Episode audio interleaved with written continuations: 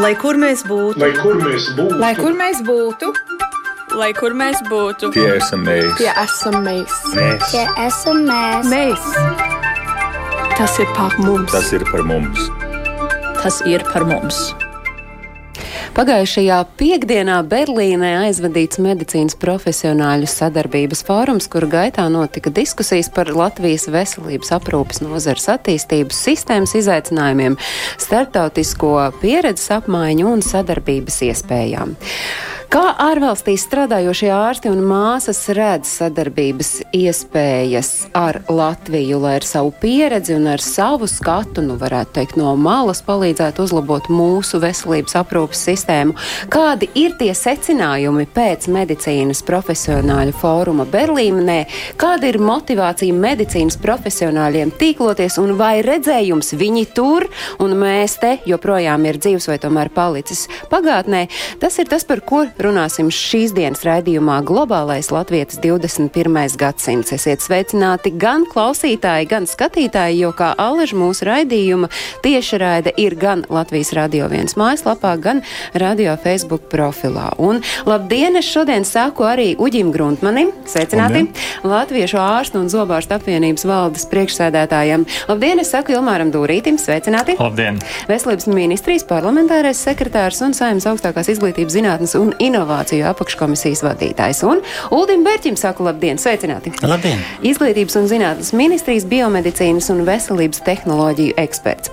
Radījumu iesākot saku, ka aizvadīts medicīnas profesionāļu sadarbības fórums un jautājums, kuri tad bija tie iniciatori, kas, kā, kāpēc šis fórums notika un uh, kāpēc izvēlējāties tieši Berlīni un kas bija tā jūsu mērķa auditorija? Tā, eh, es pavisam īsi pateikšu, ka Lāza Latviešu ārstu un zobārstu apvienība izveidojās 47. gadā Vācijā bēgļu nometnēs. Tā kā mēs būtībā aizbraucām atpakaļ uz savām Tur, mājām, ja, kur šī organizācija tika radīta eh, nu, vairāk kā 70 gadus atpakaļ. Bet Lāzas aktivitāte lielāko daļu, un noteikti pēc 90 gadiem vislielākā daļa ir bijusi Ziemeļamerikā. Taču saprotot to, ka pēc 2004. gada un Latvija iestājoties Eiropas Savienībā,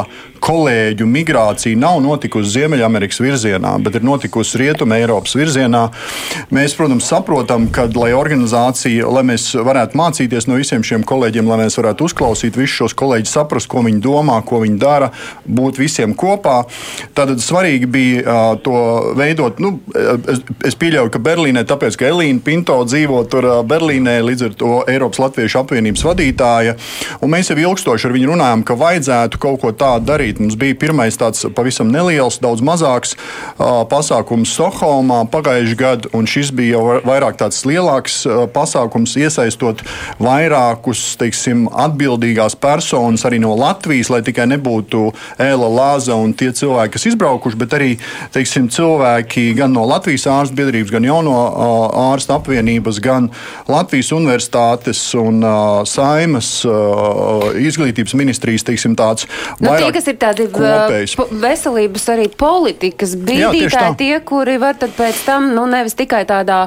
mediķu profesionāļu līmenī par šiem uh, tematiem runāt, bet uh, skatīties jau plašāk. Uh, pārstāvēt tad no Latvijas puses vairāk mēs varam teikt, uh, man nepatīk tas vārds ierēdniecība, bet kā lai es citādāk jūs nosaucu? Ne, es domāju, tie cil- cilvēki, kas iesaistīti šo, šo teiksim, sadarbībā ar diasporas risināšanā vai vismaz uzklausīšanā, ja, viņu viedokļu uzklausīšanā. Ne? Es domāju, tas jau ir kritiski svarīgi, jo mēs jau savā starpā varam runāt ā, kaut ko un kaut ko nebūt, bet ja mēs nevienam, neviens nepiedalās un nav, teiksim, šī diskusija nenotiek divos virzienos, tad diez vai nu, kaut kādus rezultātus mēs sasniegsim.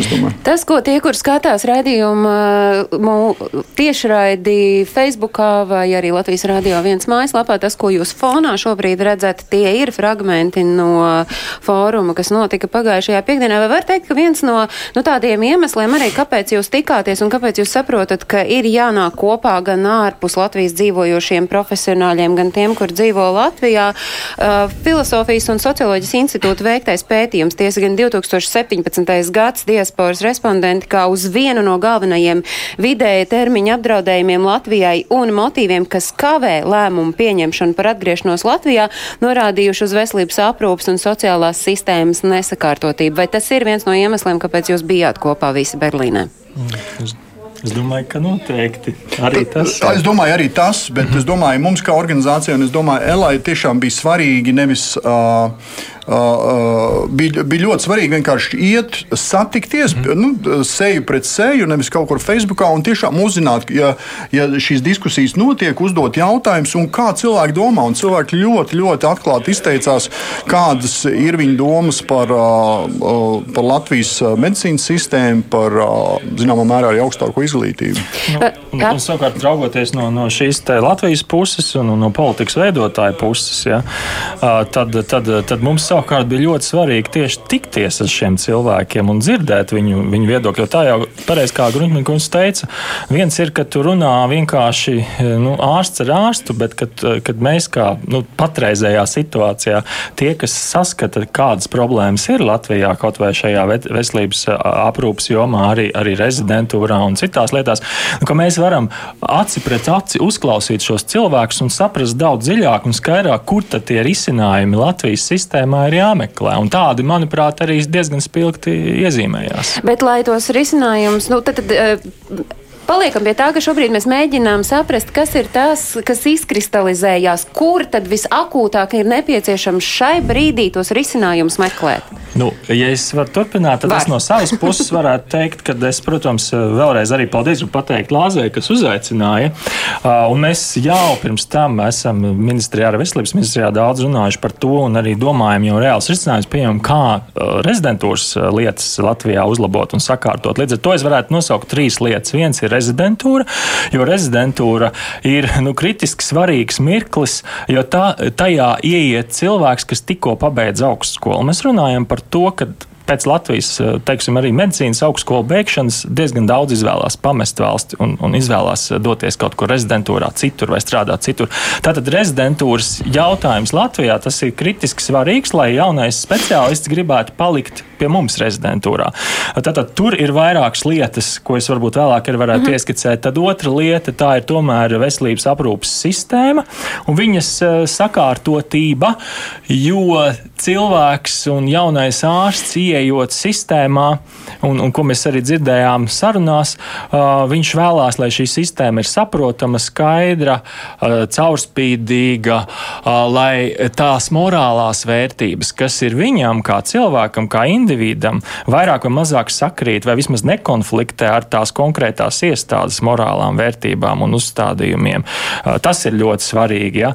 Uh, un, nu, nu, un, un, un, trešā, un trešā lieta, protams, atalgojums. Un, un faktiski faktiski arī, arī tādi varbūt birokrātiski šķēršļi, kā ārstam, kas jau strādājis, piemēram, ārzemēs, kā viņam atgriezties Latvijā, nokārtot visus uh, eksāmenus. Ja tādi jākārto, piemēram, viena lieta, ko es varu te, pateikt, ko, ko arī mēs varējām jau ieb, varbūt paziņot uh, ār, ārpus Latvijas dzīvojušiem ārstiem, ka, piemēram, lai viņi pirmoreiz reģistrētos uh, kā medicīnas aprūpas personāls, viņiem vairs nevajadzēs kārtot šo eksāmenu, ja viņi varēs pierādīt, ka viņi vismaz trīs gadus pēdējo piecu gadu laikā ir strādājuši strādājuši medicīnas aprūpē. Jau Uģa ja? leģendārais piemērs jā, ir jau reiz mūsu raidījumā. Šie, šie birokrātiskie šķēršļi, viņi maksimāli ir, ir jāņem nost. Ir jāņem, bet kad tos varēs noņemt? Nu, nu, cik vien, jūs nu, jā, viena no šiem grozījumiem, piemēram, attiecībā uz šo re, reģistrāciju un uz šo eksamināciju, principā jau ir izsludināta ministra noteikuma valsts sekretāra sanāksmē, bet vēl viens jautājums ir, eh, ir daudz vienkāršāk ar, ar, ar, ar eh, tām valstīm, kas ir Eiropas ekonomiskā zona, ir drusīt sarežģītāk ar valstīm, kas ir kā saucamās trešās valstis, un tur ir ideja veidot uh, savu valstu sarakstu, kur, kur mēs zinām, ka šis medicīnas līmenis, gan izglītības, gan arī veselības aprūpas līmenis ir pietiekoši augsts un salīdzināms ar Eiropas Savienības un Eiropas ekonomiskās zonas valstīm. Un tad šādu valstu sarakstu varētu izveidot un arī šiem cilvēkiem pielīdzināt tieši tādas pašas un nestingrākas prasības. Šī izklausās viena laba ziņa, man liekas, jā. vai ne, Uģi? Piekritīsit. Bet uh, paliekam pie pie rezidentūras un atalgojuma, un tad tas nozīmē, ka šis ir tas brīdis, kad uh, mēs ļausim runāt Kārlim Rācenim. Kārlis Rācenis bija Berlīnē, šobrīd viņš strādā un nevar būt kopā ar mums studijā, tāpēc mēs klausāmies viņa skaidrojumu par tām izmaiņām nākamajā gadā ārstu un, atalgu, un uh, rezidentu atalgojumā, jo šobrīd rezidents saņem par vienu slodzi minimālo atalgojumu 950 eiro. Klausāmies Kārli Rāceni. Nākamā gadā ministru kabinets kopā ar veselības ministriju izveidoja sistēmu, kas paredz visiem palielināt atalgojumu par 10%, bet rezidentiem palielināt par 20%. To nedrīkst darīt, nesamērojot ar citām kategorijām. Minimālā likme, tātad tā ir pati mazākā likme, kuru mēs varam maksāt ārstiem, ko saņem īstenībā rezidenti. Rezidents saņem minimālo likmi valstī noteikto. Jaunāko gadu rezidentiem būs aptuveni par 50 eiro mazāka kā certificētam ārstam, bet vecākā gada rezidentam par 50 eiro lielāka kā certificētam ārstam. Tātad teorētiski mēs varam maksāt certificētam ārstam, tāds, kurš ir pabeidzis rezidentūru, par 50 eiro mazāk nekā vecākā gada rezidentam. Nu, saprotiet, tas nav loģiski. Tā nevar darīt. Es esmu arī certificēts ārsts, un šī ir mana otrā rezidentūra tad mans atalgojums pēc certifikāta iegūšanas ir aptuveni 100 eiro vairāk kā minimālā likme. Tas nozīmē, ka teorētiski certificēta ārsta atalgojums būs ar atšķirību ar vecāko gadu rezidentu būs aptuveni 50 līdz 70 eiro, kas ir pirms nodokļu nomaksas. Paldies eh, Kārlim Rācenim, Latvijas jauno ārstu asociācijas eh, pārstāvīm, un paldies arī kolēģijai Annijai Petravai, kura ar eh, Kārli runājas pilnu šīs intervijas ierakstu. Jūs varat klausīties ziņu dienas veidotajā ciklā cilvēku ziņu virsrakstos. Tas būs klausāms jau pirmdien programmā Labrīt, bet tas, ko mēs saklausījām, tur, nu, godīgi sakot, es Kārļa stāstīju to divas vai pat trīs reizes noklausītos, lai visu to kalambūru vispār saprastu, bet tiesa tā, ka tas Kārlis ir certificēts mhm. ārsts un rezidents, un viņš ir, nu, neiesim ļoti dziļās Jā. niansēs, bet viņš ir sliktākā situācijā nekā vienkārši ārsts nu, rezidents. Es mēģināšu ļoti vienkāršot to, to, to stāstu. Jā, veselības ministrija ir plānojusi ar 2020. gadu palielināt rezidentiem par 20% to, to minimālo algu, un, un tādu viņiem pamatā viņi arī saņem. Tagad tie 950, tad būs 1140. Un uh, Rāciņa kungs pauž pauž bažas par to, ka tā, tā likme minimālā rezidentam stipri pietuvojas jau certificētam ārstam. Bet šeit ir jāsaka tā, ka tās bažas uh, ir tikai tad, ja mēs apskatāmies uz to pamatlikmi. Bet tomēr, ja mēs paskatāmies uz slimnīcās strādājošo certificēto ārstu atalgojumu, tad tur tomēr uh, nu, ļoti būtiski nāk klāt vēl citi elementi. Tās ir ļoti dažādas piemaksas par uh, dažādām manipulācijām, dažādām teiksim, operācijām vai, vai nu, virs, nu, dažādām, dažādām teiksim, lietām. Bet tas jau ir ļoti niansēti. Jā, un, un tas būsim... ir ļoti niansēti, bet ko veselības ministrija uzskata, un mēs arī to saklausījām arī Berlīnē runājot Jā. ar ārstiem, ka mūsu ārstu atalgojuma sistēma ir pārāk sarežģīta. Un viņi ir krietni, krietni jāvienkāršo, un tas arī parādās tajā apstāklī, ka mēs redzam tik ļoti lielu diferenci starp it kā vienu un otru certificēto ārstu, neat, tikai, teiksim, un tas bieži vien ir divas vai trīs reizes lielāks atalgojums vienam otram. Mūsu uzstādījums ir veidot jaunu ārsta algas modeli, viņu prezentēt jau nākamajā gadā. Kur... Bet jūs skatāties uz kādu no tām valstīm Eiropā, kur ir varbūt protams, līdzīgi? Protams, ka mēs gribētu šajā modelī iekļaut, nu, varbūt ne pilnīgi visas, bet lielākā daļa ārsta darba komponentes, kā tas ir daudzās citās valstīs, tajā, tajā pat Vācijā. Un, protams, mēs neizbēgsim bez virsstundām, tāpat būs noteikti virsstundas, kuras būs papildus jāmaksā un varbūt kādas atsevišķas lietas, bet šī sistēma nedrīkst būt tik ļoti sarežģīta, ka, piemēram, ārsts, kas varbūt strādā vienā nozarē, nu, es teikšu, varbūt kardioloģijā saņem vai kardioķirurģijā saņem, piemēram, desmit varbūt reizes, es nezinu, tagad es tikai tādu nu, modelēju. Modelēja lielāku atalgojumu nekā ārsts, varbūt, kas strādā tur nefroloģijā. Ja? Tātad faktiski šai sistēmai jābūt daudz saprotamākai un arī kā rezidents, kad viņš ieiet sistēmā, piemēram, ieiet slimnīcā, viņš, piemēram, Vācijas modelī, viņš redz, viņš zina, ka katru gadu viņam tas atalgojums pa zināmu summu pieaugs. Tātad, un viņš zina, ka 4. gadā rezidentūrā viņš jau saņems to atalgojumu, teiksim, jau nedaudz jau lielāku nekā 3. gadā.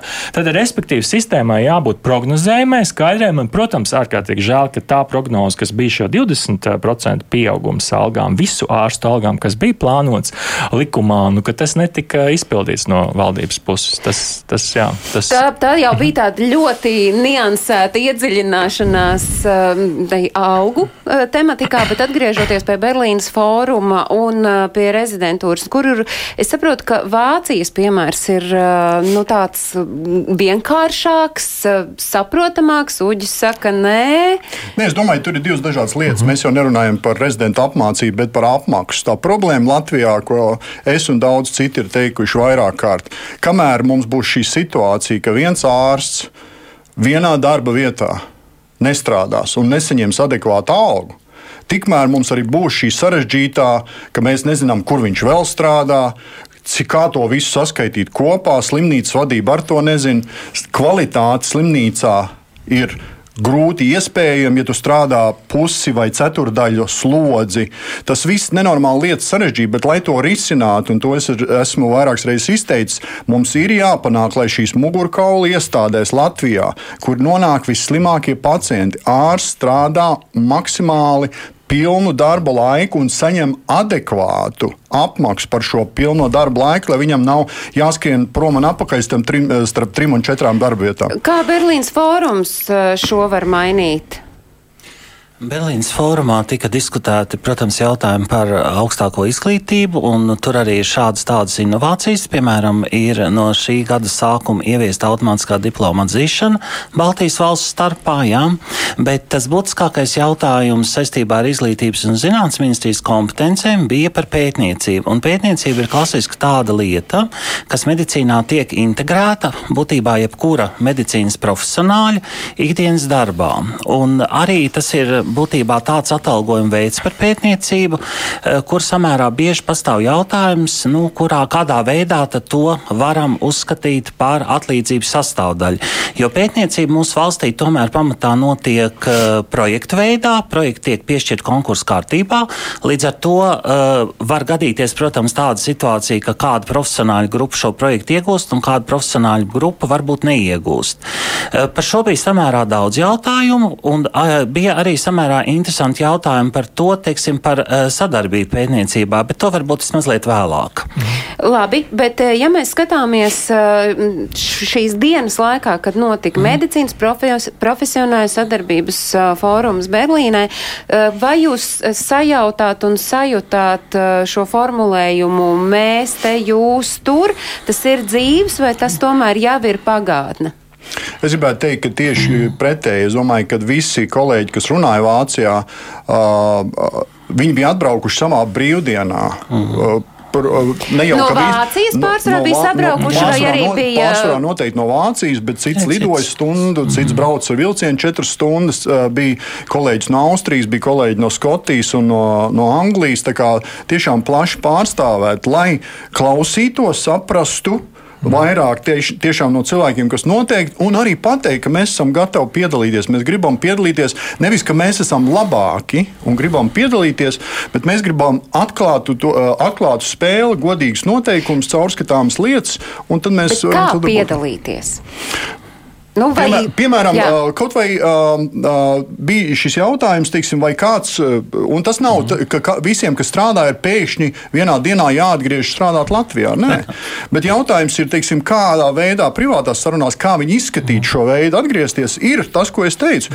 Kamēr uh, konkurss nebūs, teiksim, godīgi un atklāti izsludināti, nevis ar mērķi, kad viņš ir izsludināts uz īsu brīdi, nezināmā vietā, un tad tu kaut kur mēģini ātri visu kaut ko sameklēt bet viņš ir godīgi izsludināts, pietiekoši garš pieteikšanās termiņš un godīgas izskatīšanas teiksim, lietas, lai tu varētu pieteikties tajā konkursā, ka nav sajūta, ka kāds jau it kā gaida to konkursu, bet nu, bez konkursa īsti nevarēja. Nu, teiksim, tā ir tā sajūta, ko sagaida, jo tas ir tāds teiksim, rietumu standarts. Ja ir šādi konkursi, tad viņiem ir jābūt tiešām atvērtiem. Bet, bet izskanēja jau arī piedāvājumi konkrēti, piemēram, arī latviešu teiksim, jaunajiem ārstiem. Nu, nu, kaut vai nedaudz paskatīties, kā strādā nu, cilvēki, mm. mūsu tautieši, piemēram, ārzemēs. Ja, tur bija ļoti daudz ļoti interesantu piedāvājumu. Un, un, un arī par šo rezidentūru vēl minot pavisam vienkāršoti, ko man izdevās parunāt ar ārstu, kas ir gājis rezidentūras procesu Latvijā nedaudz un arī Vācijā.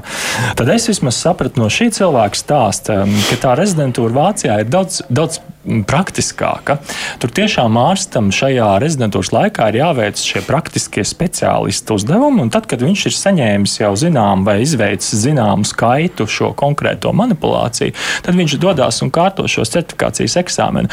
Iespējams, ka mums šī sistēma ir pārāk tāda nu, iegrožota, mums viņu vajag pa padarīt nedaudz elastīgāku, un arī, piemēram, ārsts izteica izbrīnu, kāpēc, piemēram, ir vēl rezidentūras laikā jādara kaut kādas teorētiskās studijas, ja kāds tas varbūt ir mūsu uh, rezidentūrā. Tā kā mēs arī tagad pārskatām šo rezidentūras saturu, uh, Jā, tas ir liels jautājums. To arī sarunās uh, pirms raidījuma jūs arī Juldi to minējāt, vai ne? Kāda varētu būt tā schēma? Nu, tas ir arī diskutēts saistībā ar jauno sabiedrības veselības pamatnostādņu izstrādi, kur atrodas tātad veselības ministrijas pārziņā un kur šādu viedokli pauduši, piemēram, arotbiedrības pārstāvi, bet tas arī bija šajā fórumā, eh, tiekoties ar ekspertiem no apvienotās karalistes, eh, kuri uzsvēra to situāciju, ka viņiem tomēr eh, ir strukturēta rezidentūra, jā, tā tad ir pirmie divi gadi, kuri vairāk teorētiska apmācība, un tad atbilstoši konkrētai specialitātei tam tiek piekārtot vairāk praktiskā apmācība.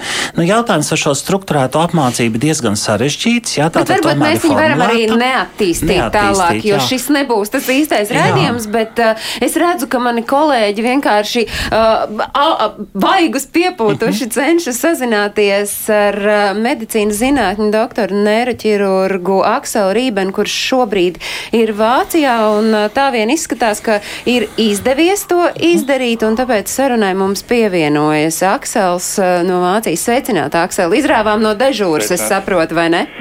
Uh, ne no dežūras, jā, no, no uzņemšanas nodaļas, jā. Jūs jau desmit gadu esat Vācijā un arī ik pa laikam domājat par atgriešanos, un jūs ļoti labi zināt, ka Latvijā ārstu trūks, tomēr jūs neesat Latvijā, jūs varat atklāt tos iemeslus, kāpēc? Kādēļ es aizbraucu, jūs domājat? Nē, kādēļ jūs neesat atgriezies? Es uzreiz tā tieši.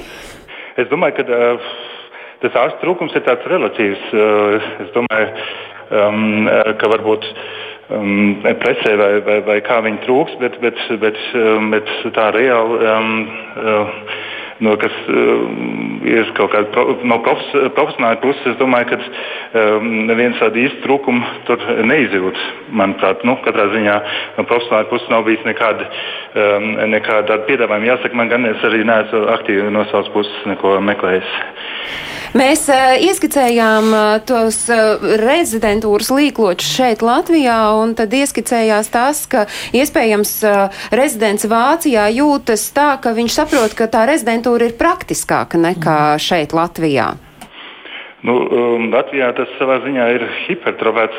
Tāda īsta rezidentūra šeit nav. Nu, tu, ja pēc ja pabeidz medicīnas studijas, tu esi gatavs ārsts, un tu strādā kā ārsts, un, un tālāk, paralēli, protams, arī izglītojies savā specialitātē, bet pamatā tu savu apgū, specialitāti apgūsi caur savu darbu.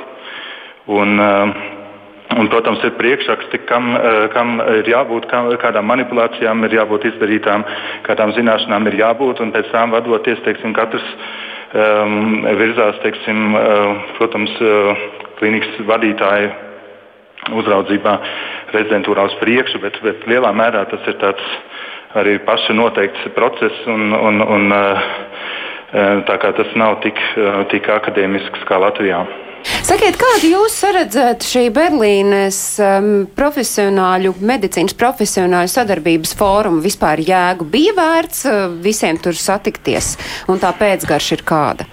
Es domāju, ka uh, pilnīgi noteikti um, bija vērts um, uh, satikt kolēģis un arī um, no Latvijas kolēģis un aprunāties par, par tām um, aktuālajām problēmām vai situāciju. Tā pēckarš ir tāda, ka man tāda katram vairāk vai mazāk um, tā situācija ir savādāka un, un ir kaut kādas savas intereses un uh, sava redz, uh, savu, savs redzējums uz tām lietām. Tāda liela uh, vienotība, uh, manuprāt, nav. Um, jā. Bet vai jūs redzat, ka jūs, kā nebūtu ar savu pieredzi un ar to savu skatījumu no malas, varētu palīdzēt uzlabot veselības aprūpas sistēmas, nu, kaut kādas nebūšanas šeit Latvijā? Nu, ja tāda vēl būs un, un, un, un būs vajadzība pēc tā, protams, ka es to varu darīt. Jā. Bet kam ir jāizrāda tā iniciatīva? Tas ir jāskatās, kādā līmenī tas tiek runāts. Es nezinu, vai, vai iet runa par teiksim, kaut kādām priekšlikumiem veselības aprūpē kopumā, vai iet runa par kaut kādiem tīri profesionāliem jautājumiem. Um, atkarībā no tā droši vien var arī domāt, um, kā, kā tieši var, var kaut kā palīdzēt vai iesaistīties. Ne? Un vai jūs redzat, ka ir nepieciešama tāda tīklošanās starp uh, latviešiem, medicīnas profesionāļiem visā pasaulē? Es domāju, principā, protams, tas ir tikai atbalstāms. No otras puses, protams, ka tā ikdiena ir, domāju, gan Latvijā, gan Vācijā ir, ir diezgan intensīva un diezgan aizņemta.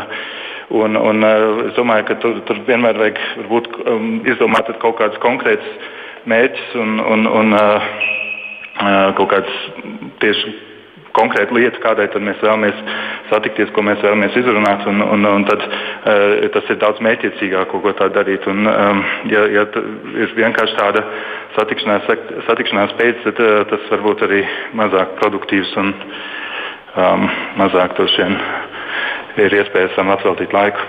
Nu, un tad pēdējais jautājums. Es saprotu, ka jūs esat tiešām nu, tādā zemajā startā. Kam ir jānotiek, lai jūs atgrieztos?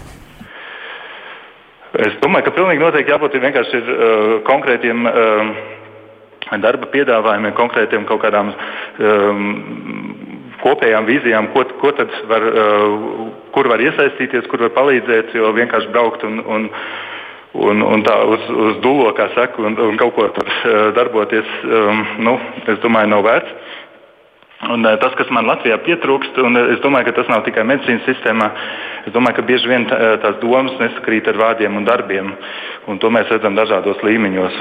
Un, un tas ir tas, ko es gribētu redzēt, un kur, protams, tā paļāvība nu, ir tāda nosacīta.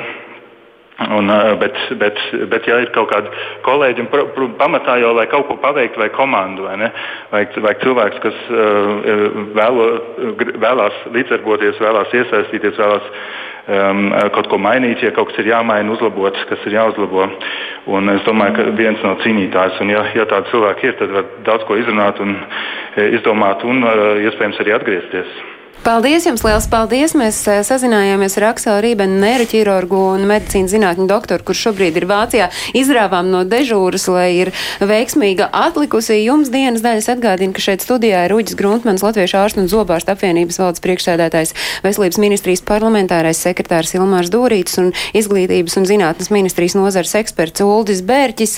Un uh, tas, uh, ko ieskicējā uh, Aksels, nu, ja mani aicinātu, es brauktu bet uh, es esmu dzirdējusi, tās varbūt ir baumas, varbūt man ir kāds pastāstījis, bet pilsētā runā, ka nu nemaz tie profesionāļi šeit tik ļoti atplastām rokām tos ārvalstu latviešu speciālistus nemaz negaida.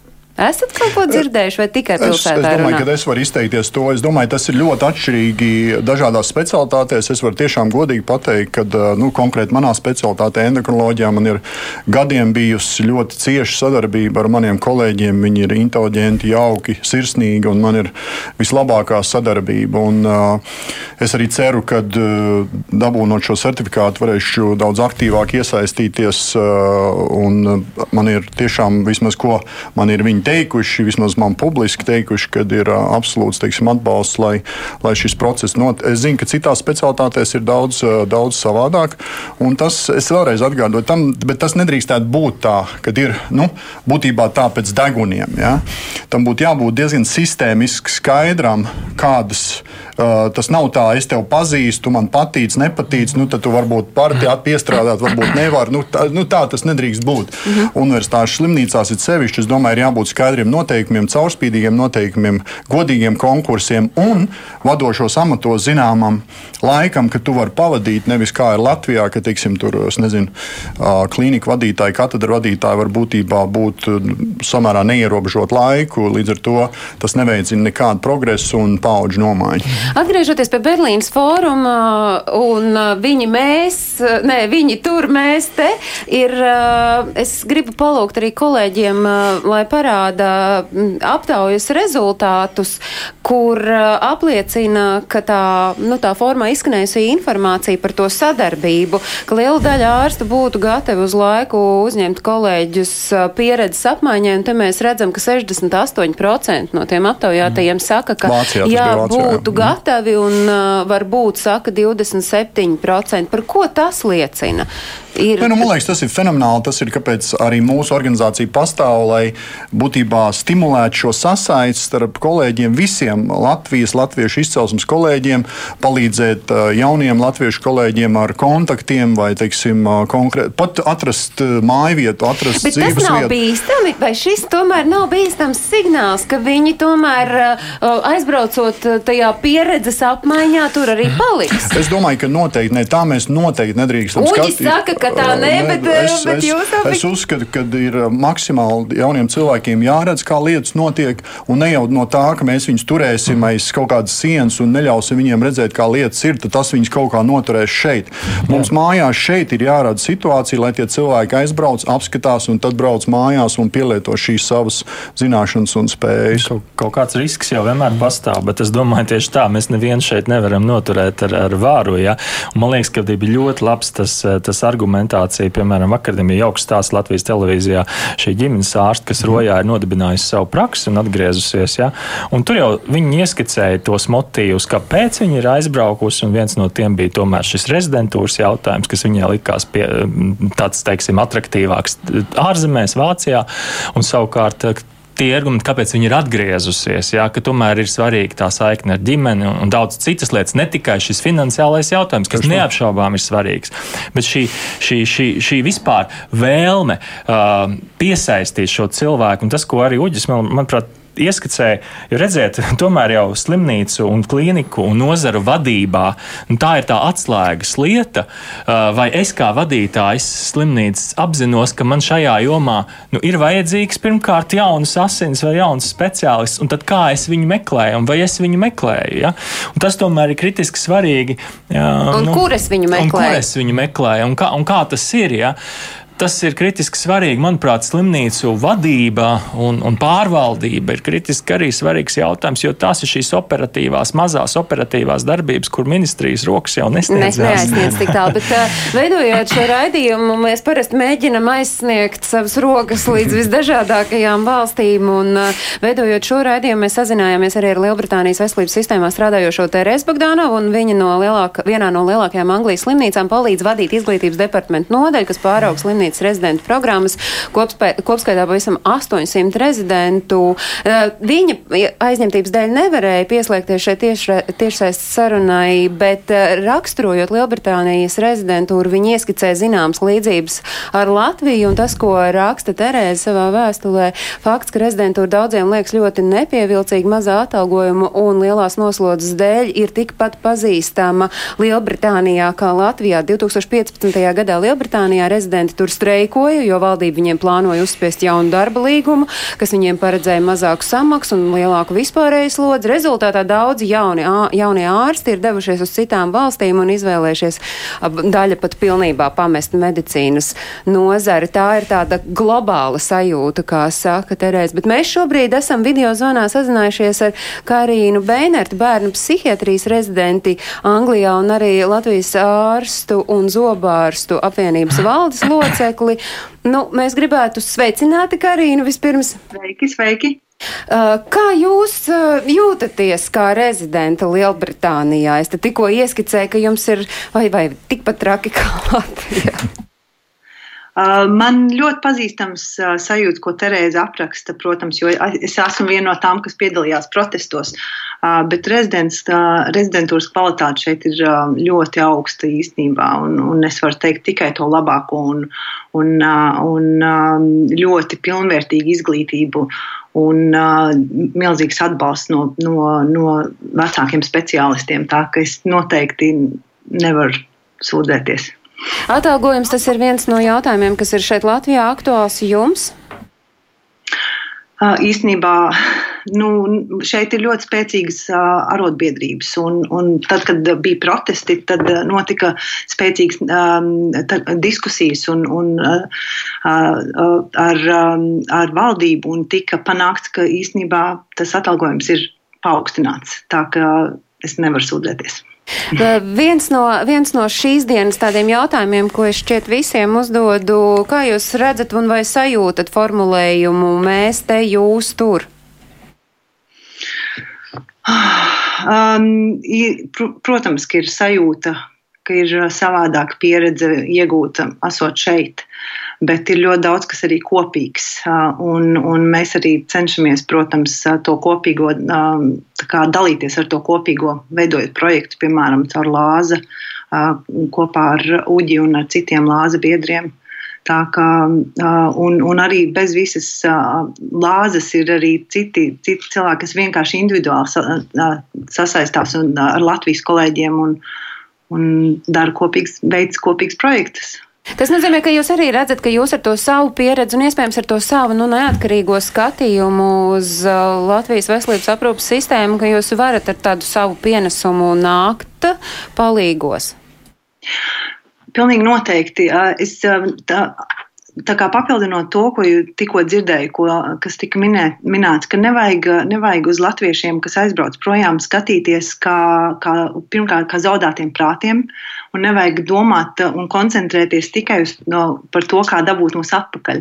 Um, tas tika pieminēts arī diskusijā tieši ar prezidenta sievu um, pavisam nesen Lielbritānijā um, par, par līdzīgu tēmu, kā jūs pašlaik diskutējat.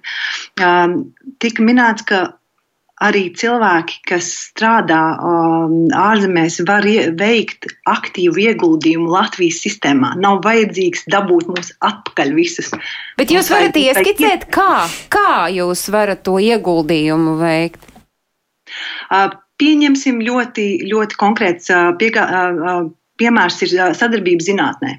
Ir, ir uh, zinātniskie darbi, ir, uh, ir um, visādi, visādi zinātniskie pētījumi, kur var sadarboties. Var uh, zinātnisko darbu um, supervīziju uh, vadīt teiksim, no, no ārzemēm varbūt divi supervizori gan Latvijā, gan viens ārzemēs. Ir, ir visādi projekti, ko kopīgi var veikt gan izglītoša Latvijas sistēmas attīstībai, gan Latvijas studentu izglītošanai. Ir ļoti daudz dažādu veidu. Apmaiņas programmas. Apmaiņas programmas vēl Karina teica, bet vai jūs redzat, ka nu, ir nepieciešams rast to iespēju, kā tīkloties savā starpā medicīnas profesionāļiem, nu, lai nebūtu katru reizi jāņem brīva diena, jābrauc, jālido, bet lai tā saziņa un tā, tā komunikācija būtu tāda ikdienas, cik nu viens mediķis vispār ikdienā tam var atvēlēt laika?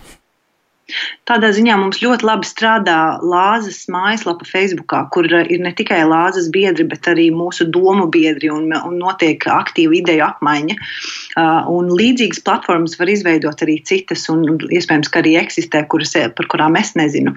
Bet ir, es pilnīgi piekrītu, ir jārada varbūt nedaudz formālāki veidi, kā apmainīties ar idejām un, un, un, un, un sadarbību.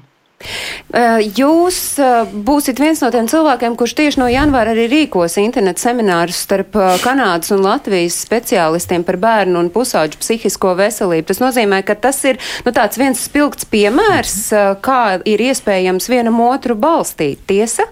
Un kas, kāds, kas ir padomā? Mums ir uh, ieplānots, um, ieplānots video semināru sērija Pašlaik strādājam pie divām plūsmām. Tā, tā, tā kā pieredzējušā, pieredzējušāki speciālisti un jaunie bērnu psihiatri.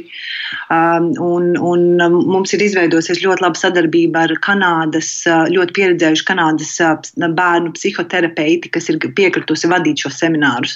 Līdz ar to mēs organizējam kā, ieguldījumu izglītībā. Un kas būs tie dalībnieki, uz ko jūs, ko jūs uzrunājat? Sākotnēji mēs tā pieredzējušo speciālistu grupa būs bērnu psihoterapeiti, kuriem ir liela pieredze jau tagad, bet viņiem tā būtu papildus izglītība. Bērnu psihiatrijas rezidenti, kā jūs varbūt ziniet, ir nesen uzņemta bagātīga grupa ar bērnu psihiatriem rezidentūrā, un viņiem piedāvāt tieši papildus izglītību par bērnu psihoterapiju Un vēl, mēs vēlamies, lai tas izvēršas varbūt kādā regulārākā sadarbībā un atvērt to pasākumu arī kā, vēlāk plašākai publikai. Paldies, liels paldies! Es saku Karīnai Beinertei, bērnu psihiatrijas rezidentē Lielbritānijā. Te ir spilgts piemērs, ko un kā var darīt, un, un šis visticamāk, nu, arī. Nu, Ir jābūt tikai tai idejai, vai tas arī prasa kaut kādus milzu ieguldījumus?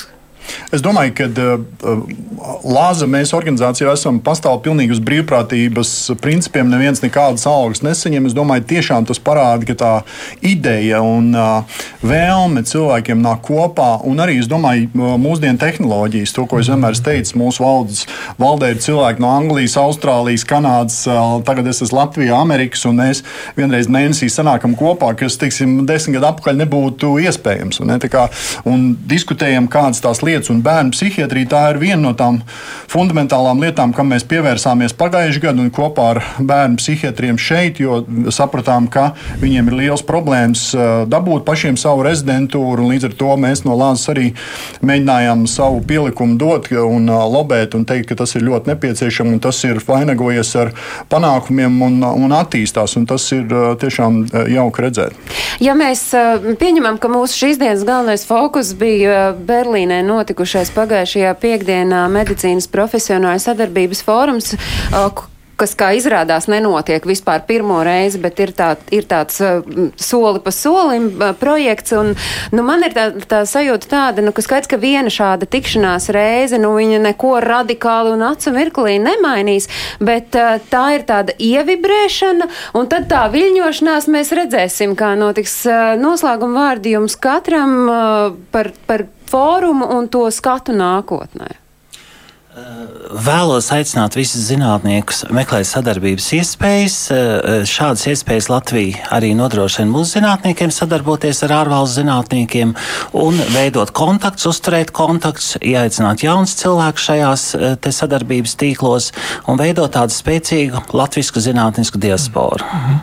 Es domāju, ka kaut vai jaunu kontaktu atrašana, jo jūs jau nekad nevarat noprognozēt, kurā mirklī jums tas kontakts atradīsies tāds un no tā izvērtīsies liela sadarbība un projekts. Un, teiksim, manā iepriekšējā arī darba pieredzē patiešām ir bijušas atsevišķas vizītes, kurās es nekad neesmu plānojis, ka tur kaut kas izvērtīsies, bet izvēršas beigās eh, milzīga sadarbība un viesprofesori brauc un tā tālāk. Tā kā es domāju, es aicinātu īstenībā lāzi šo uh, darīt kā, kā tādu tradīciju varbūt, ja? un, jo tas, tas ir, man liekas, ļoti svarīgi. Un tad jau arī pēc gada vai diviem apskatīties uz to, kas jau ir pavirzījies uz priekšu, jo te vēl ļoti daudz daudz fantastiski piemēri. Piemēram, mēs nepieminējām, bet Lāzārā izskanēja šis bērnu kardioloģijas piemērs, kur bērnu klīniskās universitātes slimnīcas kardiologi ļoti sadarbojas ar, ar Vāciju, ar Berlīnas kardioloģijas centru, un faktiski viņi tagad ir vienādā līmenī. Ja? Nu, tā ir tā sajūta, ka tomēr tāda, varbūt tāda, jo katrs neklieks par to, ko viņš Protams. ir tādu labu izdarījis, vai vajag, tas ir cits jautājums, bet par to tīklošanos, it kā var piekrist Akslam, no tā tīklošanās tikai tīklošanās pēc arī nav vajadzīga, bet iespējams tur tā kaut kā ir jāsaprot, kā vienam ar otru vairāk sazināties. Bet es saprotu arī, ja es vēl drīkstu, ka veselības ministrija arī strādā pie tā jauno, jauno ārstniecības personu atalgojuma sistēmas. Protams, tur jā, mēs. Nākamajā gadā tur būs kas skaidrāk jau, un es ceru, ka nozare arī tas tiks atbalstīts. Protams, tas tiks apspriests, izdiskutēts. Es ļoti ceru, ka to izdiskutēs mūsu kolēģi raidījumā Krustpunktā. Uģi noslēguma vārdi. Nē, pirms, pirms šī semināra Vācijā mēs ar Elīnu Pinto uztraucāmies, vai vispār kāds tur atbrauks. Atbrauksim mēs daži no Latvijas, un neviens nebūs atbrauc. Bijām ap 50 cilvēkiem, un tiešām ļoti tāda produktīva diskusija, un vēl produktīvāk viņi bija vakarā tādā socializēšanās uh, uh, vietā, kur mēs uh, ar itāļu picu un nedaudz zālus, tā kā tas uh, visam palīdzēja. varbūt principā ballītēm vienmēr ir tāda bet man ļoti patīk, ko arī tajā diskusijā teica profesors Uga Dumps. Viņš teica, ka uh, mums tiešām jādomā jādomā par ar diasporas un arī Latvijas mediķiem, ka visur mums ir šādi mazie, nu, viņš te porziņi minēja, jo mēs visi zinām, kas viņš ir, tādi visur zinātnes un medicīnas porziņģīši. Un mums visur viņus vajadzētu tomēr mēģināt atrast un kaut kā savienot vienam otram kopā un galvenais, teiksim, darboties, teiksim, Latvijas attīstības labā. Paldies! Šie ir noslēguma vārdi no Uģa Gruntmaņa, Latviešu ārstu un zobārstu apvienības valdes priekšstādātājs. Studijā bija arī Veselības ministrijas parlamentārais sekretārs Ilmārs Dūrītis un Ulds Berķis, izglītības un zinātnes ministrijas nozares eksperts. Bet, ja jums ar uh, Uģi Gruntmani šīs stundas laikā nepietika, tad jūs šovakar droši varat doties. Tas ir tiem, kur raidījumu skatās un klausās tiešraidē. Piektdienā, 13.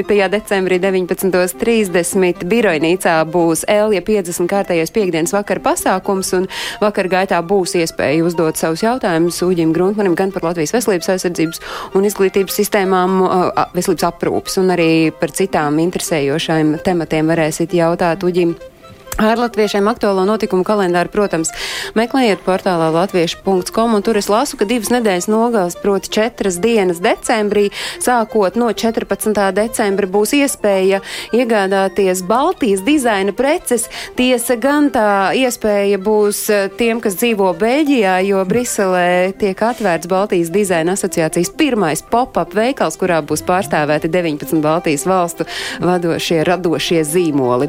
Latviešu.com ir tā vietne, kur ne tikai notikuma kalendārs, te jūs varat skatīties raidījumu Globālais Latvijas 21. gadsimts, tāpat jūs varat skatīties raidījumu Iet Latvijas Radio 1 mājaslapā atkārtojums katru svētdienu trijos un piecās. Lai jauka visiem atlikusī dienas daļa tiekamies pēc nedēļas un, protams, priecīgi trešo adventi. Atā!